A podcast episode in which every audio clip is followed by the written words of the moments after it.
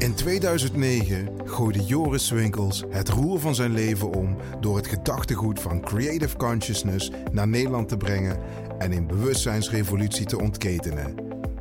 De voorbije jaren mocht hij getuige zijn van tal van bijzondere doorbraken en levensveranderende transformaties. In de podcast Bubbles nodigt hij mensen uit hun transformatieverhalen en hun inzichten met jullie te delen. Nou Jordi, uh, welkom in de podcast Bubbles. Leuk dat je hier aanwezig wilde zijn. Dankjewel, leuk om uitgenodigd te worden. Ja, nou, ik heb jou uitgenodigd omdat uh, ik ken je natuurlijk al enkele jaren. En uh, ik, uh, ja, de, de carrière of de, het levenspad wat jij al dan niet bewust gekozen hebt ooit, dat is voor mij in ieder geval een heel bijzonder. in ieder geval een heel ander levenspad dan, dan het gemiddelde levenspad van mensen die door hun ouders opgelegd worden dat ze een bepaalde studie moeten gaan doen en vanuit die studie een bepaalde baan gaan zoeken en vanuit die baan een vervolgbaan, een huisje, bompje, beestje. Dat is bij jou net wat anders gelopen, eh, volgens mij. Klopt. Klopt. Uh, misschien even jou eerst wat introduceren. Uh, jij woont in uh, Noorwegen. Ja. Wel, waar woon je in Noorwegen? Ik woon in uh, Jeuvik al 18 jaar. 18 jaar. Ja. En je hebt daar nu een functie binnen een groot bedrijf in de, hoe noem je dat? industrie. Wurt Industrie is dat. En dat is dan, ja, uh, verantwoordelijk voor de verkoop en de marketing in Noorwegen. Ja, in heel Noorwegen. Heel Noorwegen, ja. ja. Dat is een behoorlijke, behoorlijke zware functie. Ja, ja, dat kun je wel zeggen. Ja. Uh, ik denk dat er menig mensen uh, veel studies zouden willen volgen om uiteindelijk op die positie terecht te komen. Ja, ik denk de meeste mensen die wij aannemen internationaal, dat die op zijn minst uh, één master en twee bachelors hebben voordat ze als trainee mogen beginnen. En ja, ik. en bij jou is dat net iets anders gelopen. Net iets anders gelopen. Want hoe is dat bij jou gegaan? Ja, ik kan het verhaal ook vertellen, maar jij mag het ook vertellen.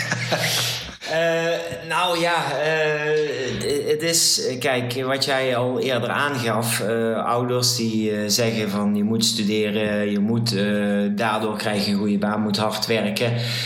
nou, dat is bij mij precies hetzelfde geweest hoor. Ik heb ja. precies diezelfde druk gekregen.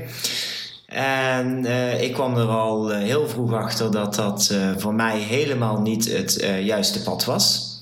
Uh, school bedoel je dat? Uh, school uh, en ook je door anderen laten vertellen ja. hoe het moet. Precies. Dat, ik vond het veel leuker om, erachter, om er zelf achter te komen wat de juiste weg is. Ja. En daar heb ik me vroeg bij neergelegd dat het zo is. En ik heb ook al heel vroeg gezegd van nou, ik ga mijn eigen kant op en ik doe het op mijn eigen manier. En ik denk dat ik een jaar of uh, 15, 16 was toen, toen ik echt wist van nou, dat school, dat, dat werkt niet voor mij. Ik ga mijn eigen pad op. Maar dat pad toen was een, een uh, pad van lang leven de lol, volgens mij, of niet? Uh, van de drunk, drugs, drunk, uh, de drankdrugs en uh, en rock'n'roll. ja, dat begon vroeg, dat klopt. ik heb daarbij wel altijd een doel gehad. Ja, ja dus uh, klopt, uh, heel veel feestjes, veel drank en, en ook drugs. En daar heel vroeg mee begonnen. Maar altijd een doel voor ogen gehad. Ja. En ik heb daar ook altijd bij gewerkt. Ja. ja ik herinner mij dat jij was een van de eerste eigenlijk uh, zelfstandig ondernemers die uh, s morgens uh, om vier uur of vijf uur op ging staan om met een oud busje met leggings naar de markt te gaan om daar de zakcentjes te verdienen. Ja, dat klopt. Ja. Wij, nou ik geloof dat ik 18, 19 was. Ja. Bus gekocht, vol met kleding gegooid en naar markten of uh, bij mensen thuis of, of jaarmarkten uh, proberen die kleding te verkopen. Precies, dus daar zat je zonder opleiding, uh, zonder achtergrond, zonder diploma's op de markt. En terwijl je nu aan de top staat van een groot internationaal bedrijf. Daar zitten, zitten nog een paar stappen tussen volgens mij. Daar zitten nog een paar stappen ja. tussen. Uh, achteraf gezien had ik bij die markt nooit weg moeten gaan. Uh, was ik nu uh, gepensioneerd geweest ja. waarschijnlijk. Maar nee, daar zaten wat stappen tussen. Ehm, toen ik op de markt stond, uh, stond ik ook uh, ja, midden in mijn jeugd. Uh, misschien wat te veel feestjes. Heel veel van het geld wat ik verdiende ging ook rechtstreeks naar de casino's en de gokhallen toe. Ja. Dus uiteindelijk kwam ik in een situatie waar ik heel veel geld moest betalen aan de belasting. Ja. Oh, het geld was er niet meer. Dat geld was er niet meer. Dus toen kwam plan B. Toen kwam plan B. En uh, plan B was... Uh, gaan we naar het buitenland toe. ja, nou, dat weet ik nog heel goed. Ja. Toen ging op een cruiseschip. Ging op een cruiseschip werken, ja. En drie weken later kwam je weer terug. En toen was er een meisje zwanger op een cruiseschip. Of, of was nee, dat is, iets te kort door de bocht. Dat is iets te kort door de bocht. ja. Um, ik, uh, ik werkte op een cruiseschip. Uh, daar uh, ging ik eigenlijk naartoe, omdat je daar... Nou, dan kon je leuk wat geld verdienen en je had geen kosten. Dus dan kon ik mijn schulden in Nederland kon ik daarmee afbetalen. en ik had eigenlijk, ja, waar had ik gewerkt? Al bij Rassensenang gewerkt en bij de Chinese restaurant, restaurant had ik gewerkt. En, en dat was mijn ervaring. En uiteindelijk had ik zoiets, nou ja, als ik het dan toch ga doen, nou laat ik eens proberen om op het beste cruiseschip ter wereld terecht te komen. Ja. En, uh, en dat lukte. En dat lukte. Ja. En toen kreeg ik een telefoontje van hun, dat had ik gesolliciteerd. Uh, nou ja, interview, uh, ja, heb ik tijd voor. Een uurtje geïnterviewd via de telefoon. Twee uurtjes later werd ik opgebeld of ik een week later naar Singapore kon komen. Nou, toen heb ik uh, alles opgezegd. Dat weet je waarschijnlijk zelf ook. Daar ben ik ja. bij geweest om alles het huis uit. En ik ja. weet niet waar ik het allemaal heb neergezet. Ook bij jou, uh, geloof ik. Ja. En uh, toen ben ik vertrokken. En natuurlijk, dan begin je als uh, busboy. En een busboy is degene die alleen de vuile borden naar de keuken mag brengen. En de zuiver schone borden weer mee naar binnen mag nemen. Ja. Ja, en daar begon ik. maar al, al heel snel zagen ze daar dat ik toch uh, mogelijkheden had. En daar ben ik uh, eigenlijk begonnen met, met groeien en managementfuncties. Maar, maar, daar zeg je van, zij zagen dat jij mogelijkheden had. Of liet jij zien dat jij mogelijkheden had? nou, ik heb daar heel hard gewerkt en ja. ik vond dat ook heel leuk. misschien moet ik ook even een paar jaar terug, want we hebben één stapje zijn we overgeslagen. Ik ben ook bij de mariniers geweest. Oh ja, ja. En uh, dat was in principe niks voor mij. Hè. Dat, uh, ik paste daar niet in. Ik was geen uh, stoere grote jongen. Ik vond dat allemaal een beetje kwatsch. Waarom zou ik nu zo snel gaan lopen en zo hard gaan lopen en zo ver gaan lopen? Dat, ja. dat heeft toch geen zin als we een jeep kunnen nemen. Ja, precies. Dus ik paste daar niet helemaal in. Maar dat was de eerste keer dat ik eigenlijk voor mezelf beslist had van hier ga ik voor. En nu zit ik er, doe ik het ook. Dan wil ik het ook afmaken. Nou, dat is me ook gelukt. En daar heb ik een soort van, van discipline ontwikkeld. En uh, op een gegeven moment is daar een knopje omgegaan. Ja. Uh, als je het uh, lichamelijk of, of, of geestelijk of wat dan ook niet meer aan kan, dan, dan kun je een knopje in je hoofd omzetten. En dan ga je op autopiloot en dan lukt het je wel. Ja. En, Als je nu terugkijkt, is dat een belangrijk knopje geweest voor de rest van je carrière? Uh, heel belangrijk. Ja. ja. Dat is eigenlijk een knopje geweest uh, dat zegt van uh, hoe zwaar en hoe moeilijk het allemaal is. Als je wilt, kom je eruit. En heeft iedereen zo'n knopje? Ja. Mm -hmm. Daar ga ik wel van uit. Ja. Mm -hmm. Want ik zie mezelf niet veel anders als andere mensen.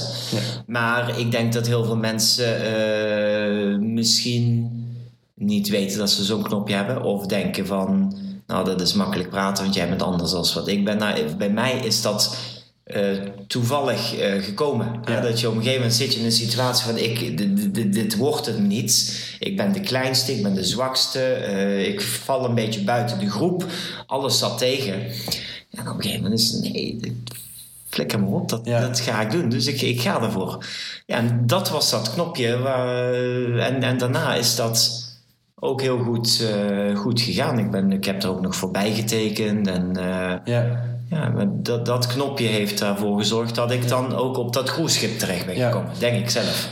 Uh, ja, we dwalen misschien een klein beetje af, maar ik vind het wel een heel, heel interessant thema. Want ik denk dat uh, dat knopje omzetten, namelijk, dat doen we in de Master 1 ook. Uh, mm. Proberen we dat in ieder geval, om bij iedereen dat punt te vinden waar iemand echt gaat opgeven, niet meer kan en dan toch door kiest om door te gaan. Mm.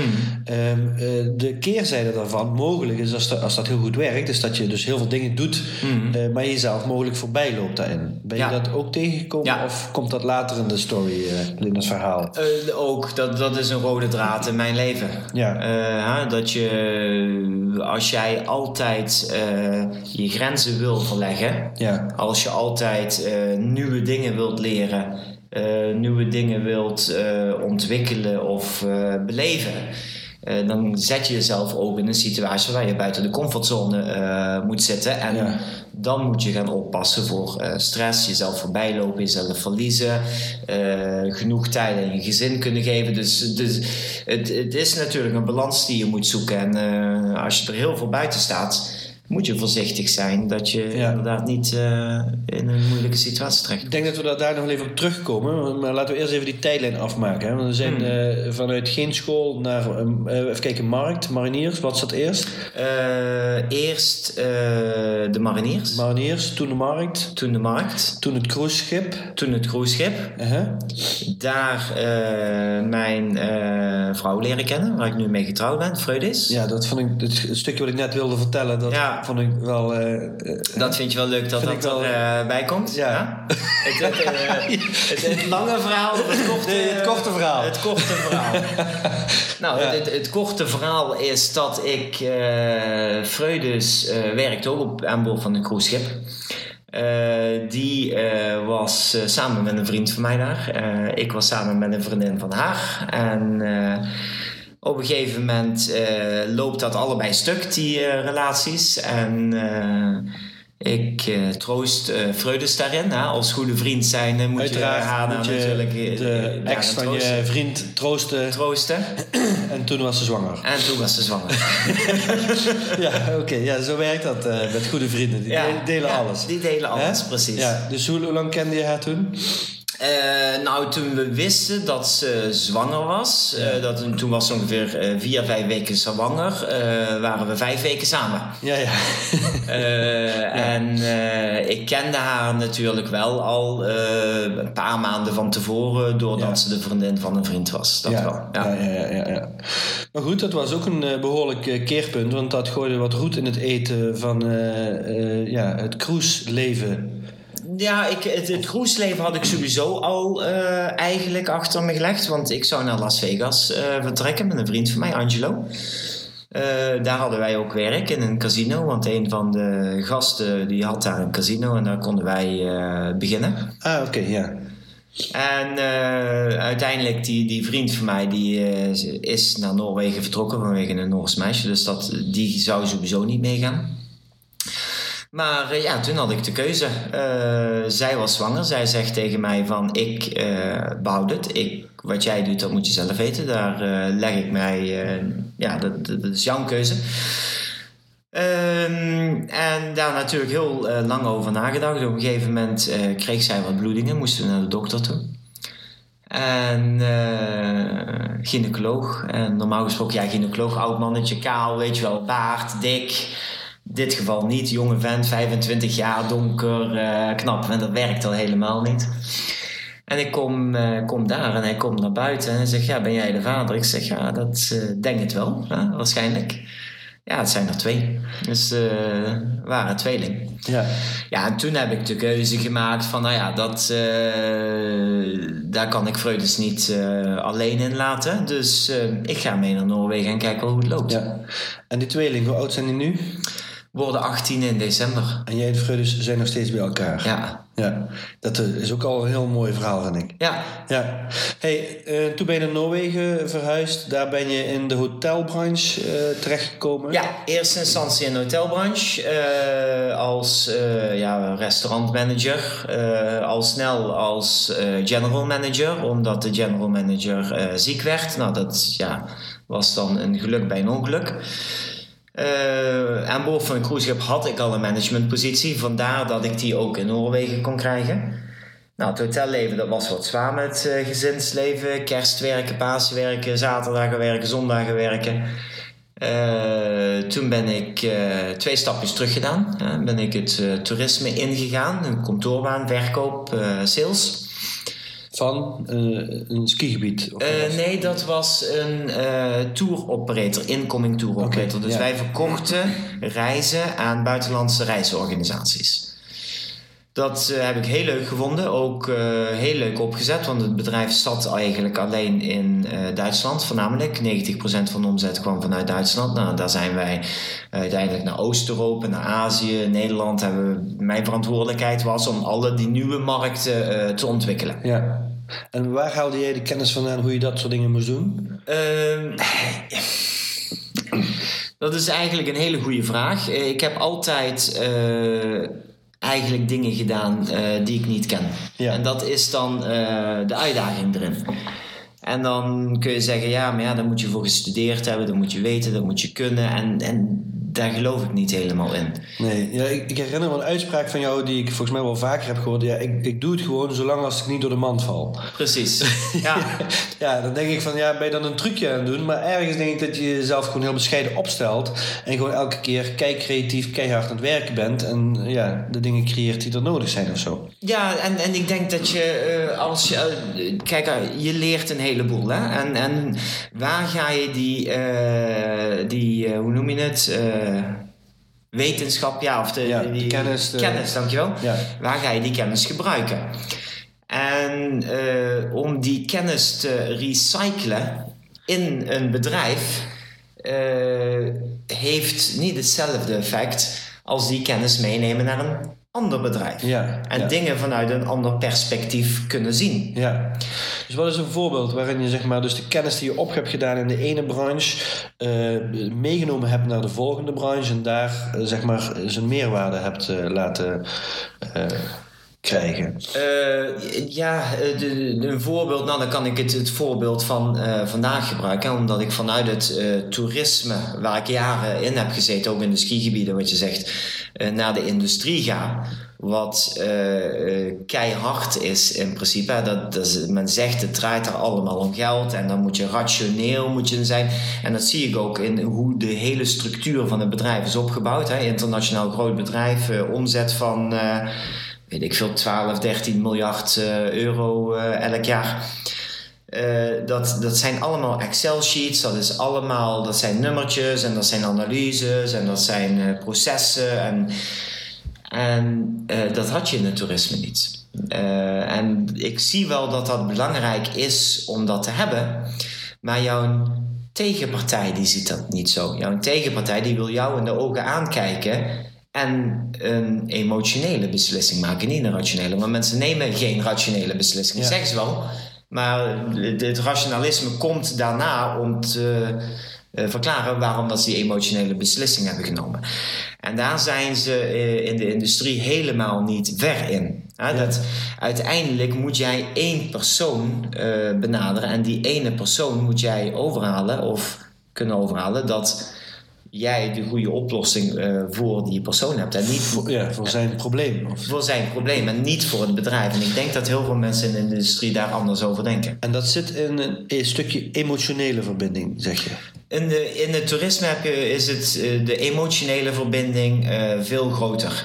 Je ziet ook nooit een, een hotel of een bestemming zeggen van kom bij ons slapen, want onze kamers zijn 36 vierkante meter en het tapijt is 1 uh, eh, centimeter hoog en de muren ja. zijn zo dik met uh, die isolatie erin. Dat nee. wordt helemaal niet rationeel verkocht. Nee. Kom hier en relax en kom hier en voel je goed en kom hier en eet lekker met je, met je gezin. Dus het is een vele emotionelere aanpak als wat je industrie, in de industrie hebt. Maar hoe doe je dat dan nu in de industrie? Zeg je nu dan eh, van onze schroeven die geven je zo'n heerlijk gevoel als je die erin draait? Of? Uh, nou, dat heb ik geprobeerd. kwam ik in één keer op hele andere websites terecht. Nee, daar wou, ik nog niet eens naar... eh, Eh, nee, ik, ik ga eh, en, en daar eh, coach ik mijn eh, vertegenwoordigers ook heel erg op. Het is wel moeilijker om dat in een management eh, te krijgen. De oudere garde ziet dat niet zitten, de jongere garde ziet dat wel zitten. Wat is oude garde? We hebben, we hebben het Eh, dan over leeftijden. je 55, 50, 55. En dat is een beetje, ja, eh, we hadden het daar net al over. Die zijn opgegroeid eh, dat je eh, succes, dat is een, een, een recept en dat doe je zo. ja. En En- wat is dat recept waar, die oudere garde eh, naar kijkt? Verkoop, controleren, press uitdrukken, harder presteren. Nee, dan moet je maar nog meer druk zetten op de vertegenwoordigers, nog meer meetings. Eh, dat is eh, het recept voor succes. Harder werken, veel controle, veel druk, eh, slim werken, marketing, sales. Dat, Precies. is- dat is zeg maar de context waar zeg maar, de oude garde door kijkt, zeg je. En dat zijn mensen tot, vanaf 55 en een stukje mogelijk ouder.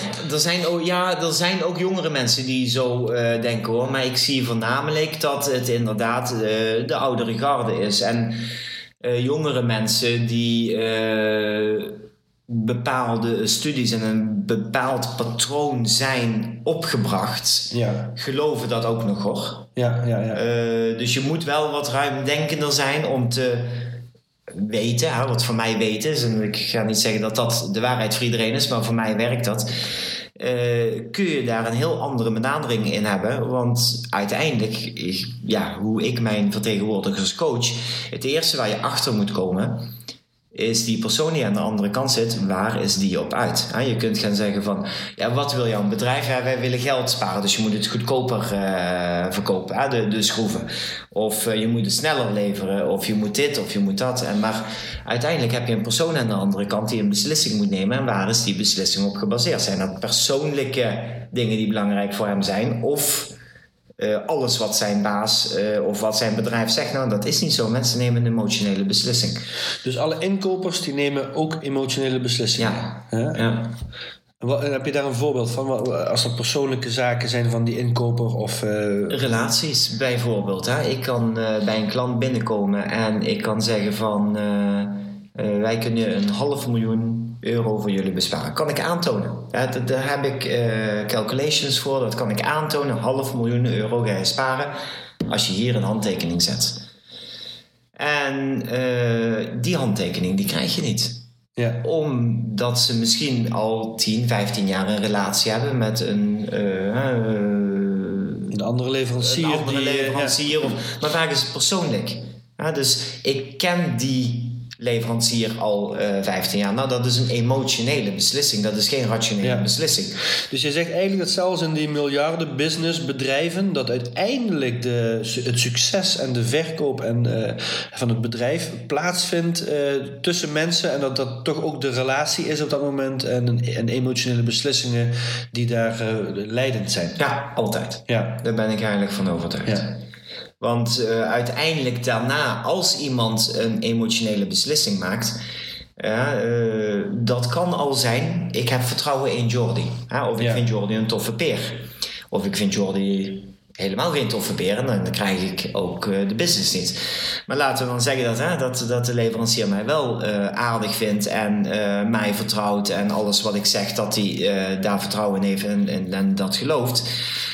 Nou, dan gaat hij naar zijn baas toe, want iedereen heeft dan uiteindelijk een baas. En eh, zeggen van, nou, ik heb hier een nieuw contract voor een miljoen euro getekend. Nou, waarom? Nou, omdat ik Jordi zo'n toffe peer vind. Ja. Hey, die vent, die moet je zien, joh.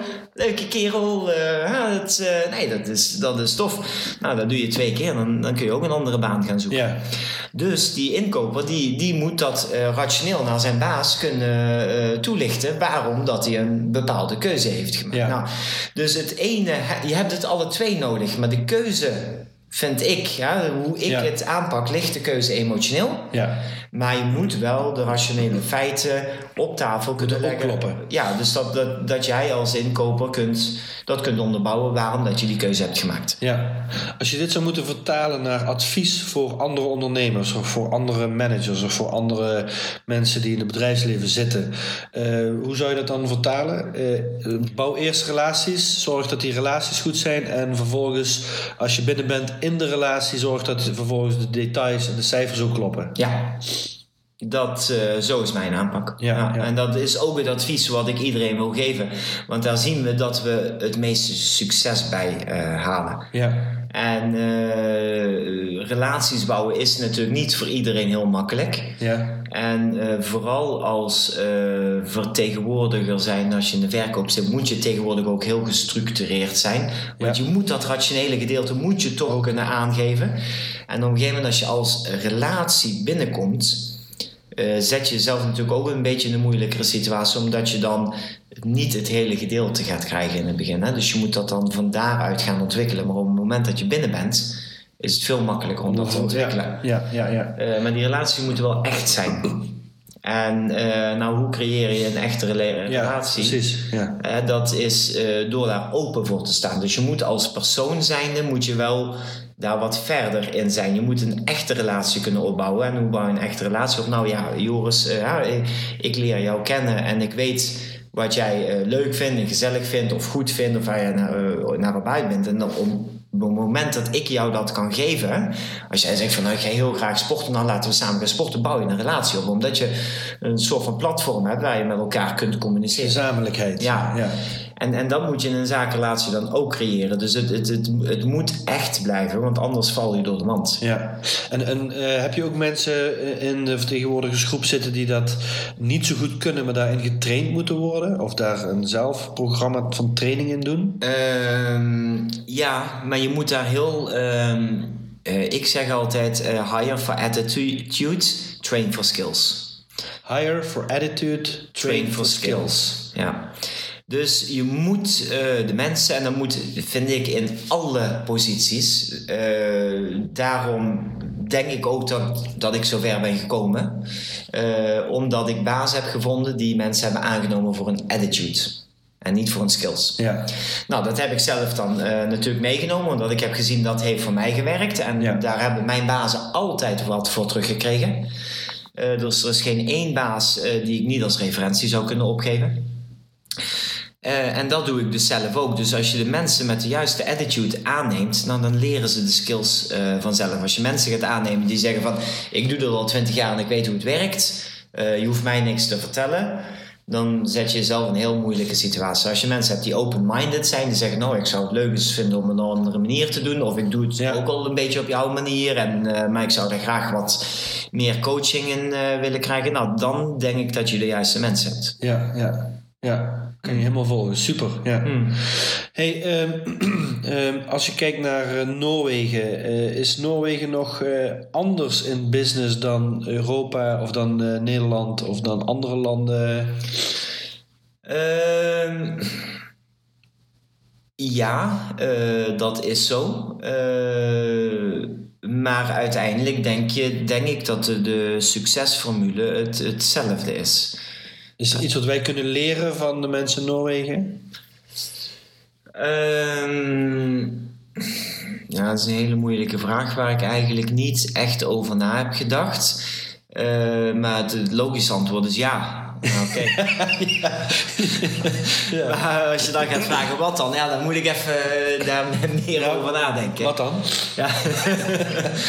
um, Nou, ik denk dat uh, een van de dingen natuurlijk wat, wat in Noorwegen heel sterk is, is natuur. En dat is misschien natuurlijk raar om te zeggen, daar kun je van leren. Maar ja, in Noorwegen heb je de natuur in Nederland niet zo. Uh, maar, maar de natuur uh, geeft je iets. En wat geeft de natuur? Dat geeft je rust. Hè? En dat geeft je geluk. Dat is ook wetenschappelijk bewezen dat de mensen die meer in de natuur zijn gelukkiger zijn dan de mensen die in de urban jungle rondrennen. En uh, ik denk... Is dat in Noorwegen ook zo dat daar dan het gelukspercentage hoger is dan uh, gemiddeld? Of uh, hoogste ter wereld. Hoogste ter wereld? Hoogste ter wereld, ja. Ik geloof dat dat af en toe tussen Denemarken en Noorwegen ja. een beetje wisselt. Maar Noorwegen, de, de, die topt dat al. Terwijl het er altijd vries, sneeuwt en donker is. ja, niet overal, maar ja. het is in, het, in de winter, in het noorden, is het daar drie maanden gewoon donker. Ja. En, ja, Toch de gelukkigste mensen ter wereld. Ja. Ja. ja. En uh, onderdeel daarvan is dat ze veel in de natuur uh, zijn, uh, zeg je? Ik denk het wel. En wat dat geeft, hè, dat geeft rust. En dan kun je dingen naast, je, naast je leggen. Dan kun je naar huis gaan en je kunt lekker gaan wandelen of de bergen in. En uh, dan denk je nergens anders meer over na. Gebruik jij dat ook, uh, waar we het straks over hadden, hè? het knopje omzetten, uh, jezelf nou, stretchen, uit je comfortzone gaan, presteren, nieuwe doelen neerzetten en tegelijkertijd de andere kant van de medaille dan ook tot rust komen en afschakelen? Is dat dan ook wat je dat daar, daarvoor ja. gebruikt? Ja, ja. ik ben daar niet zo lang geleden mee begonnen, maar gelukkig niet te laat. ik heb dat vroeger geprobeerd geprobeerd op andere manieren te doen. Uh, maar dat in de natuur zijn, berg beklimmen, door de bossen wandelen, dat uh, werkt het best. En het is ook zelfs zo dat wij, dat is nu een maand geleden, uh, anderhalf maand geleden, hebben we dat ook met de werk gedaan. En dan zijn wij een berg gaan beklimmen van ja, een tocht van acht uur. En dat was een zware tocht met klimmen door de sneeuw, uh, 1500 meter omhoog. Geweldige tocht, maar van de 23, nee 25 mensen uh, zijn daar 19 mensen in, in meegegaan tot ja. 60 jaar. Uh, om dat ook uh, voor hun uh, te laten zien van nou dat werkt. En in Noorwegen kan dat. In, Nederland denk ik dat heel veel mensen daar niet in mee waren gegaan. Maar wij doen bijvoorbeeld dan in plaats van dat we ergens naar een hotel een drie gangen diner gaan drinken en maar wijn schenken en iedereen is dronken en loopt hier en daar naartoe, zeggen wij van nee, we gaan, we gaan skiën, we gaan bergen be beklimmen, we gaan andere dingen doen. Hè? Dat, dat, dat drinken en feesten, dat doe je maar een andere keer. Ja. Uh, dat is ook veel te duur in Noorwegen, toch? Ook veel te duur natuurlijk. maar de, ja, het geeft meer. Dus de, ik denk dat dat een advies is wat je mensen kunt geven. Dat vindt een manier hoe je alles uh, even een plaats kunt geven. Nou, in Noorwegen doen we dat in de natuur. Nu heb je in Noorwegen heel veel natuur. Uh, als je nu naar Nederland komt en je ziet mensen in Nederland bewegen, zie je daar een uh, soort equivalent daarvan, waar mensen in Nederland zouden kunnen doen? nou ja, ik was hier en ik ben zelf 2,5 uur gaan lopen. Ja. En ja, de, gewoon lopen, even buiten zijn, frisse lucht, Precies, uh, bossen overal, ja, water. Ja, je kunt overal naartoe en uh, het, je hoeft niet snel te lopen of te rennen. Hè? Dus je kunt ook gewoon, en dan kan iedereen het doen, hè, dat het over een lage drempel is. Ik, ik ren niet, ik ben ook wel wat ouder. Ik heb last van mijn knieën, van mijn schouder en van mijn ellebogen en van mijn linker neusgat. En alles ja. doet een beetje pijn. Uh, maar dan, dan, ga je lopen 2,5 uur en dan loop je wat sneller en dan zie je een bankje bij het water en dan ga je daar even zitten. Nou, op het moment dat jij je, je mobiele telefoon niet bij hebt en alleen maar met jezelf bezig bent en een flesje water bij hebt, ja, dan denk je aan heel andere dingen. Dan, dan, ja. dan gaan jouw hersenen die op een gegeven moment, hè, je hebt uh, je, je, gedachten en die kun je eigenlijk niet sturen. Ja, je, je kunt dat wel bewust proberen van, ga die kant op, ik moet daar even over nadenken, maar op een gegeven moment als je daar niet bewust mee bezig bent, ja, dan gaan jouw gedachten links en rechts. En ja, precies. na twee uur wandelen, ja, heb jij die gedachten allemaal een mooi plaatje gegeven. Oké, dan, ja. dan kun je wel verder. Ja, ja, ja, ja, ja, ja heel mooi, mm. herkenbaar. Ja. Mm. Hey, als je nu gaat kijken, hebben we begonnen met uh, geen school en op de markt en uh, stapje voor stapje vervolgens naar andere vakgebieden, steeds verder de ladder omhoog, steeds grotere en verantwoordelijkere banen tot uiteindelijk ja, wel in de top, denk ik, van waar veel mensen zitten. Um, wat zijn nu de grootste beïnvloeders geweest van jouw koers steeds? Ja. Is dat gewoon het lot geweest? Of zijn er nog andere dingen die, die bepalend zijn geweest? Ja, de, kijk, het is uh, wat dat betreft heel cliché. Hè? Dat is de, de, de omgeving, dat zijn je familie, je vrienden. mensen kunnen je op, op twee manieren beïnvloeden. je kunt mensen als een voorbeeld zien hoe je het wel zou willen doen, of je kunt mensen als een voorbeeld hebben hoe je het absoluut niet zou willen doen. Dus wat dat betreft beïnvloedt iedereen jou. Um, ik heb uh, zelf vroeger heel veel steun gekregen uh, in mijn vriendengroep. Hè? Ook, ook uh, van jou natuurlijk. En een van de dingen die ik mij kan herinneren, toen was ik eigenlijk best jong. Dat we wereldkampioenschappen voetballen was dat. En ik zat even een beetje in een dipje. En ik geloof dat ik, dat, dat in de tijd van de markt was. En dat jij zegt van, eh, ach Jordi, maak je niet druk jongen. Als het fout zou zijn gegaan, dan was het al lang fout gegaan. Toen waren we 18 Ja. jaar. Het had nog honderd keer fout kunnen gaan natuurlijk. En eh, dat is iets eh, wat mij altijd is bijgebleven. Ik heb heel veel mensen en culturen leren kennen, omdat ik zoveel verschillende dingen heb gedaan. Eh, moet ik toegeven dat eh, heel veel mensen eh, daar een, een steentje aan bijgedragen hebben. En ja, Dus, dus veel culturen, veel mensen. Zeg je daarin ook wat Tony Robbins zegt van your, your life is a reflection of your peer group? Mm. Ben je het daarmee eens? Eh, nou ja, eh, ik, ik heb eh, niet één peergroup dan. Ja, Dus ik ja. heb wat dat betreft verschillende levens. Een beetje schizofreen. En Ja. dat, dat, voel ik ook wel. Want ik ben misschien een andere man als ik in Roermond ben. Vooral als ik alleen ben. Als wanneer dat ik in, in Noorwegen ben. Als ik, ik heb contact met vrienden van het cruiseschip. weer op een andere manier als hoe ik met jou omga of met anderen. Dus wat dat betreft, als je meerdere peergroups hebt, eh, leid je ook een ander leven. En dan Ja. krijg je dingen mee die je eh, weer verder eh, kunt Precies, ja.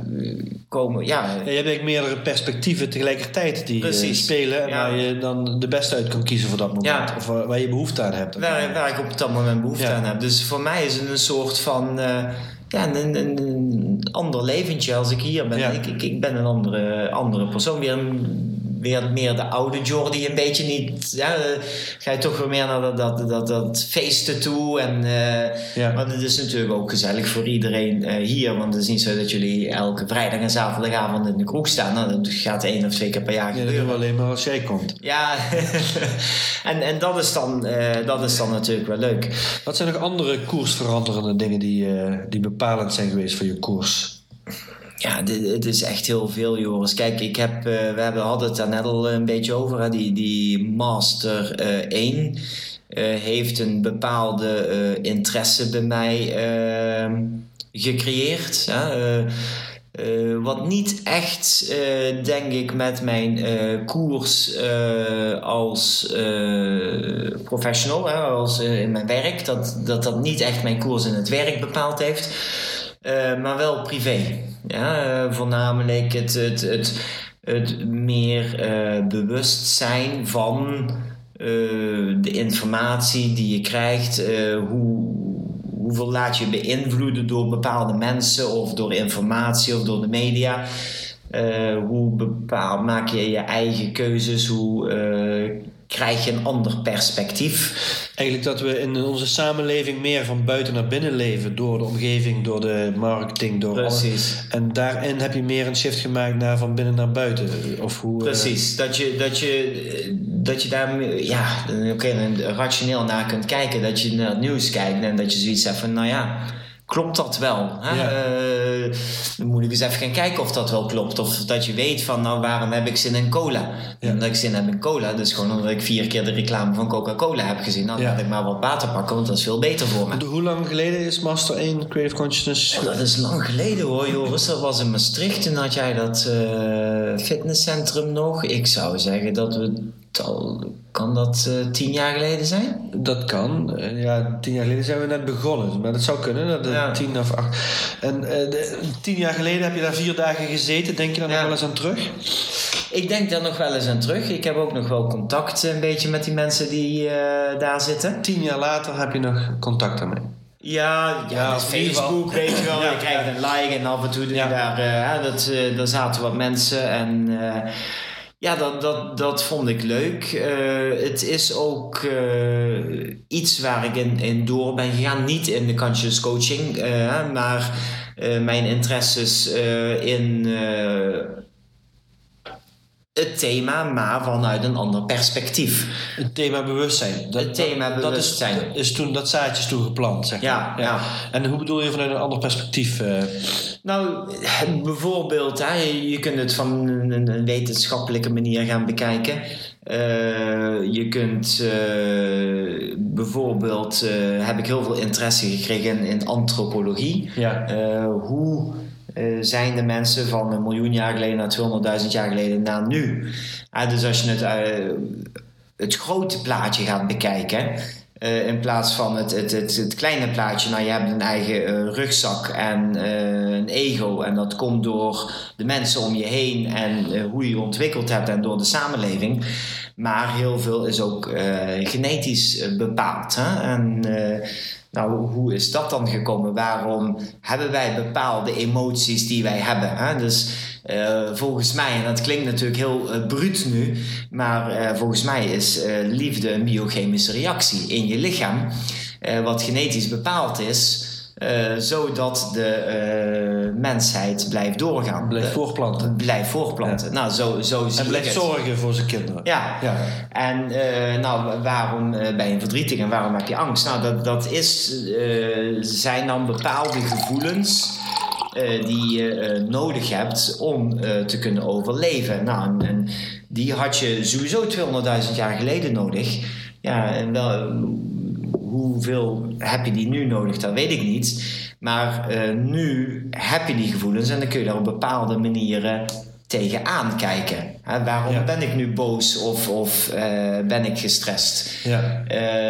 in plaats van boos te reageren kun je zeggen van nou wacht even, uh, mijn lichaam die doet dat of mijn hersenen die doen dat. En ik heb daar zelf even geen controle over waarom dat ik die emoties krijg. Ja. Maar ik heb wel de controle erover hoe ik daarmee omga. Ja, dus je bent niet je emoties, je bent niet je gedachten, maar je bent wel degene die bepaalt wat je vervolgens daarmee doet. Precies. Ja, ja. Is dat iets wat je ook uit de master toen gehaald hebt? Nee, of is dat, dat is daarna gekomen. Wat is het belangrijkste wat je daaruit gehaald hebt? Ehm het, het, belangrijkste dat ik daaruit heb gehaald is de interesse om daarin door te gaan. Ja. Ja, denk ik. Ja, ja, dat die wereld van hé, hey, dat is een wereld waar die ik interessant vind. Ja, daar ga ik ja. in verder. Daar ga ik in verder. Daar ga ik mij een beetje in verdiepen. En, en uh, uiteindelijk is het niet zo dat ik uh, uh, daar een waarheid uit wil halen of daar mij in wil ontwikkelen. Ik moet ook eerlijk toegeven dat het een soort van entertainment is. Dus in plaats van uh, op de bank te liggen uh, naar een uh, televisie- en Netflix-serie te kijken wat entertainment is, ja. zie ik zo'n thema's ook als entertainment. Want op het moment dat ik het lees, vind ik het heel interessant. Ja. En daarna kan ik het vaak niet verwoorden. Ik kan het wel op een bepaalde manier in mijn leven toepassen. maar ik kan niet aan iemand gaan uitleggen: nu heb ik dit boek gelezen en dat is de waarheid en die zien het zo en zo. Het is, het is wel een hele leuke benadering eigenlijk. En ik denk dat dat uh, voor velen geldt in het, uh, die veel bezig zijn in persoonlijke ontwikkeling of bewustwording of hoe je het wil zeggen, dat die dat inderdaad uh, televisie kijken vervangen hebben door persoonlijke ontwikkeling. Ja. Ja. Leuk. Hmm. Jordi, deze podcast heet Bubbels. Hè? Mm. een van de bubbelvragen die ik altijd stel is: uh, we leven vaak in een bubbel van gedachten, emoties, mm. waarin we een bepaalde realiteit denken dat die zo is. En dan in één keer hebben we een inzicht of komt er iemand die ons ergens mee confronteert of zien we, gebeurt er iets in ons leven waar in één keer een naaldenprik in die bubbel gaat en die bubbel ineens weg is mm. en het compleet anders blijkt te zijn. Wat, wat is jouw bubbel in jouw leven geweest? Ik denk dat ik er heel veel heb gehad. Ja, uh, en uh, ik denk dat elke keer uh, als ik weer uit mijn comfortzone ga en wat heel nieuws ga doen, of nu naar een nieuw land is verhuizen, of dat ik een gezin ga beginnen, of wat ik dan ook doe, dat dat altijd komt doordat hij, of dat ik de bubbel zelf kapot breek en ja. zeg van ik heb genoeg van deze bubbel, ik wil in een nieuwe bubbel, ja. of dat er van buitenaf iets gebeurt.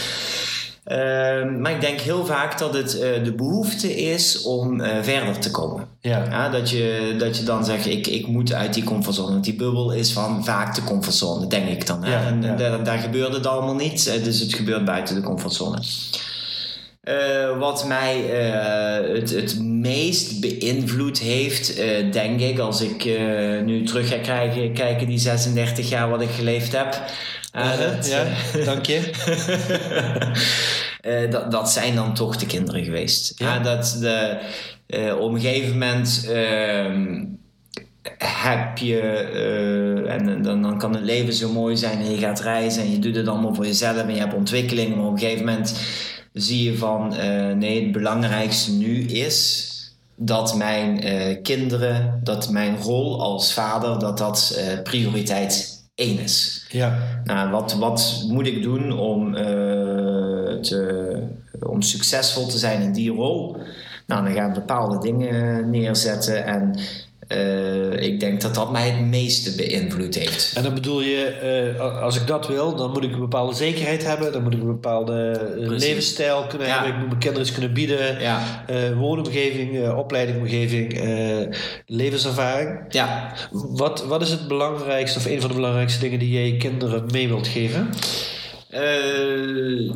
bewuste keuzes maken. Ja, Ja. ja. Dus jezelf in een positie zetten waar je een bewuste keuze kunt maken welke kant dat je op wilt. Ehm, en als jij bewust kiest, eh, wat ik vroeger ook heb gedaan, nu ga ik twee jaar feesten en eh, houseparties af en eh ecstasy-pilletjes gebruiken. En een, een bewuste keuze was dat. Nou, dan maakt dat niet zoveel uit. Ja, dan kom je eruit, want dan weet je van dat Ja. bewust, dat Ja. vind ik leuk, dat doe ik nu. Maar als jij in een situatie komt eh, waar eh, jij die keuze zelf niet meer maakt, waar jij eh, wordt geleefd, hè? doordat je bijvoorbeeld geen studie hebt afgemaakt, of waardoor dat je te veel hebt gefeest, of waardoor dat je foute mensen om je heen hebt, dan worden keuzes voor je gemaakt. En, en daar moet je voor zorgen dat je niet inkomt. ja, ja. Zorg dat je de keuze altijd eh, aan jezelf is. Ik zeg ook tegen mijn kinderen: je moet studeren om bepaalde keuzes te kunnen maken. Dus als jij zegt van ik wil psycholoog worden, dan heb jij geen andere keuze als om psychologie te studeren. ja. Als jouw keuze is eh, ik wil psycholoog worden om mensen te helpen, dan heb je in één keer twintig andere opties om jouw visie te vervullen. ja. Ja, dus je moet dan eh, gaan kijken wat, wat wil ik doen en wat wil ik daarmee bereiken. Nou, Ja. ja. en als jij jouw visie is ik wil mensen helpen, nou, dan kun je psycholoog worden, sociaal medewerker, maar je kunt ook ja, je kunt van alles doen. Dus eh, zorg ervoor dat je weet wat je wil en dat je de keuze kunt maken om een bepaalde richting op te gaan. Ja. En hoe help je je kinderen te weten wat ze willen? Eh, vallen en opstaan. Ja, Eh, ja. Ze moeten het zelf, eh, zelf regelen. ja. En eh, ze niet altijd de les voor te lezen. Want ja, het zou voor mij hypocriet zijn tegen mijn kinderen zeggen... Ja. eh, je moet studeren, je mag geen feestjes vieren, je bent nog geen 18, dit en dat. Dus ik, ik steun hun daarin en ik geef hen zelf de keuze. Nou, en eh, daar, eh, de consequentie daarvan is weer dat ik alles te horen krijg. Dus ik heb daar toch een beetje sociale controle over. Ja. Dus als ze naar een feestje gaan, dan komen ze s'avonds of s'nachts terug en dan zitten ze ochtends samen het ontbijt te krijgen te horen wat er die avond allemaal is gebeurd. Eh, vriendinnen blijven bij ons slapen, vriendinnen komen altijd bij ons op bezoek, praten met ons. Nou, ze, Freus en ik zitten in de kamer en daar zitten tien meisjes te vertellen met wie, van 18 jaar met wie dat ze seks hebben gehad. Ja. Ja, en ze voelen zich open en vrij bij ons thuis. En eh, dus dat, ik doe dat op die manier. Ik zet wel grenzen hoor, maar eh, bepaalde grenzen, bepaalde dingen mogen niet en bepaalde dingen mogen wel. En eh, ja, dat, dat, dat moeten ze zelf uitzoeken. En zo heb ik het zelf ook gedaan. Ja, Iemand ja. die mij heeft verteld, joh, je moet dat pad bewandelen. Nee, dat werkt ik ook niet. Dat werkt bij niemand. Eh, iets anders eh, wat ik nog leuk vind, vond eh, ooit gehoord hebben. Eh, jij hebt je kinderen, liet je sollicitatiegesprekken voeren met jou, klopt dat? Eh, ja, ja, vond ik heel bijzonder. Ja, ik heb, eh, eh, we hebben de kinderen nooit geen eh zondagsgeld gegeven. Ja. Dus eh, ze kunnen, als ze geld willen verdienen, kunnen ze bij ons eh, thuis eh, baantjes krijgen. En ze kunnen de vuilnis doen, ze kunnen de afwas doen, ze kunnen de vloer wassen, ze kunnen de sokken bijeenrollen. En nou, dan moeten we daar afspraken over maken hoe vaak dat, dat moet gaat gebeuren en hoeveel dat ze daarvoor willen. Nou, Ja. dan hebben we een onderhandeling hoeveel dat dat mij gaat kosten en hoe vaak dat zij dat doen. Ja. En eh, ze zijn aangenomen, ze zijn ook weer ontslagen. En, eh, Jij hebt ze ontslagen? ik of, heb ze eh, ook ontslagen. alle- ja. Allemaal? Of, eh, Eh, twee. Twee Ja? van de drie eh, zijn al een keer ontslagen. Nou, uiteindelijk eh, waren ze een beetje beu. Hebben ze hun eigen baantjes eh, gevonden Ja. buiten het huis uit. ja. Eh, maar het zo, zo, ja, ik, eh, ik vind het belangrijk dat ehm, mensen verantwoordelijkheid nemen. Ook uh, al maak je eigen keuzes en wil je eigen pad belopen. Uh, je kunt nooit de samenleving of andere mensen de schuld geven dat je zelf in een moeilijke situatie nee, nee. zit. En uh, dus maak je eigen keuzes, maar neem ook de consequenties van die keuzes die je maakt. En op het moment dat ik als ouder zijnde hun overal een steun en geld geef en alles geef wat ze nodig hebben en wat ze willen hebben, zullen ze die consequenties van hun keuzes ja, niet, niet, niet, niet voelen. Niet voelen, nee. Maar dus wil je een dure jas. Ik vind het goed, maar je moet er wel zelf voor werken. Ja. Ik wil graag 100 euro voor een, een jas uh, betalen voor je, geen probleem. Maar als die jas 300 euro kost, ja, dan moet je 200 euro zelf verdienen. En ja. dat moet je voelen.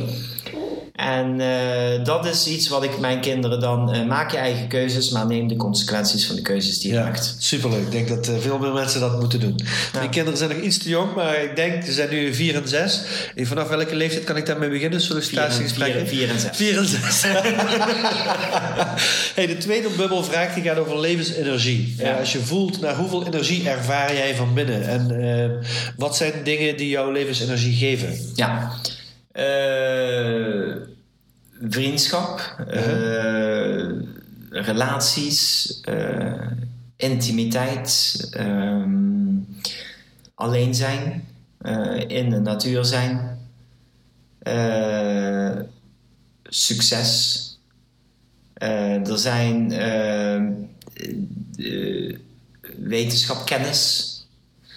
Uh, er zijn uh, heel veel dingen die uh, mij energie geven. Ik denk ook als je één ding maar hebt, dat dat, dat gevaarlijk is. Je moet ja. je horizon verbreiden en, en, en meerdere uh, energie-sources hebben. Als je naar je leven kijkt, heb je momenten gehad dat je veel lagere energie hebt gehad, levensenergie, en veel hogere ja. levensenergie? Ja. En wat, wat waren factoren dat daar een shift in kwam? Uh, ik heb dat op dit moment, ja? uh, dat mijn energieniveau stukken lager is. En dat komt vaak omdat ik me meer laat beïnvloeden door de buitenwereld. Ja. Meer.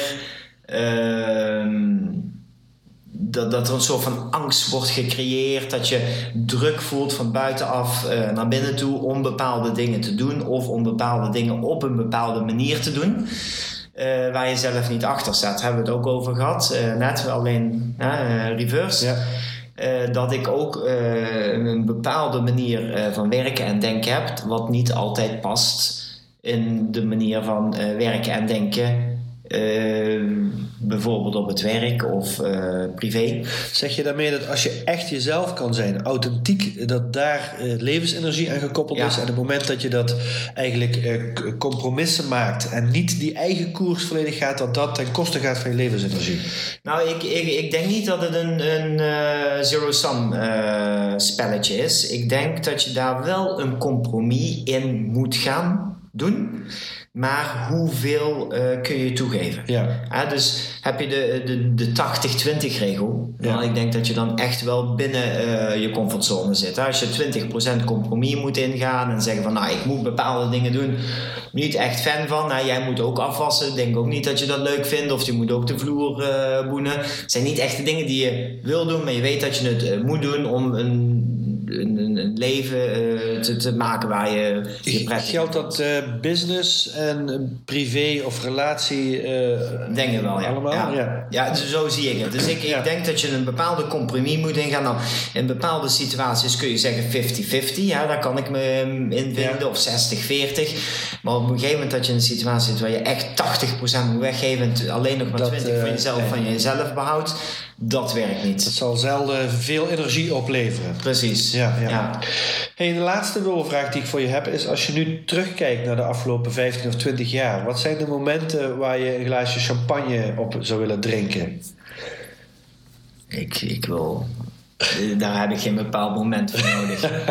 ik denk champagne op zich al is het uh, is al een goed genoeg reden om een uh, fles open te maken. Uh, ik denk, uh, ja, als je één uh, ding gaat kijken, je gaat toch weer snel terug naar, naar, naar, het, uh, naar het gezin en de kinderen. Dat dat natuurlijk het, het, belangrijkste in mijn leven was op dat moment. Um, maar ik, ik, zou zeggen van. Het, als je erachter komt dat je gewoon, je hebt maar één keer hè, hier uh, tot nu toe. Hè, we weten niet, ja. de, je, je, bent er één keer, je moet er het beste van maken. En uh, ik, ik, heb een hele goede vriend en die heeft mooi eens een keer gezegd dat het doel of de, de, de mening van het leven is om te leven. Hè? Ja, en, die ken, ja, die ken je wel hè. En uh, ik denk dat, dat daar wat in zit. Dus als je, als je een flesje champagne wilt openen, uh, bubbels, om, om te vieren, vier dan het leven. Ja. Ja niet één moment. Ja. ik vind het ook mooi om een flesje champagne te openen en daarna te kijken wat je wil gaan vieren. Ja. ja. Dus ja. Ja, wacht daar niet mee. Ja. Wacht niet met vieren, uh, vier het leven. Ja, vieren, ja. En zoek dan... Maak die emotionele beslissing en daarna kun je rationeel... Rationeel erbij eraan plakken waarom dat... Waarom dat je dat nu ja, gedaan hebt. Ja, dus uh, geniet ervan, want je, je, hebt maar één keer. En uiteindelijk, en dat weet iedereen uh, over uh, 40 jaar als je op je sterfbed ligt... Ja, waar ga je dan naartoe terugkijken? Ga je dan kijken naar je werk of wat je gepresteerd hebt of hoe, hoe, groot dat je auto of je huis is? Nee, daar gaat het allemaal niet om. Hè? Het, het gaat om de relaties. Hoe heb je, met, met wie heb jij je leven doorgebracht? En uh, wat voor energie hebben die mensen jou gegeven en wat heb jij die mensen weer gegeven? En uh, ik denk dat het daarop dus niet één ding. Als je, als je één ding gaat vieren, als je één doel in je leven ja. hebt. ben je arm. Dat denk ik ook. Ja, dan, ja. dan, kom je erachter op een gegeven moment als je je doel bereikt hebt. Oh shit, was het dit? Ik ben 40, ik moet nog 40 jaar. Wat, wat, wat nu? Wat nu? Ja, dus je, je moet gewoon elke dag een doel hebben. Je doel moet gewoon zijn om, om een zo goed mogelijk leven uh, te leiden. Voor jezelf en voor de mensen om je heen. En vier dat elke dag als het kan. Precies. Ja. Jordi, uh, zeer inspirerend gesprek. Uh, ik denk dat je een uh, zeer bijzondere levensloop hebt waar ik in ieder geval zeer door geïnspireerd ben. En ik hoop door deze podcast dat meerdere mensen kunnen genieten van die inspiratie en mogelijk daar tips en goede inzichten uit kunnen halen om ook een authentiek leven te leiden. Hmm. Ik wil jou in ieder geval bedanken voor dit kleine uurtje. En wie weet zit, komt er ooit een vervolg op deze podcast. Hartstikke leuk, jongens. Ja. Bedankt. Oké, okay, bye bye. Ben jij ook toe aan een bruisender leven of een bubbelende business en denk dat Joris daarin kan helpen? Bezoek dan onze website. Neem contact op via www.bubbles.cc. Tot de volgende bubbels.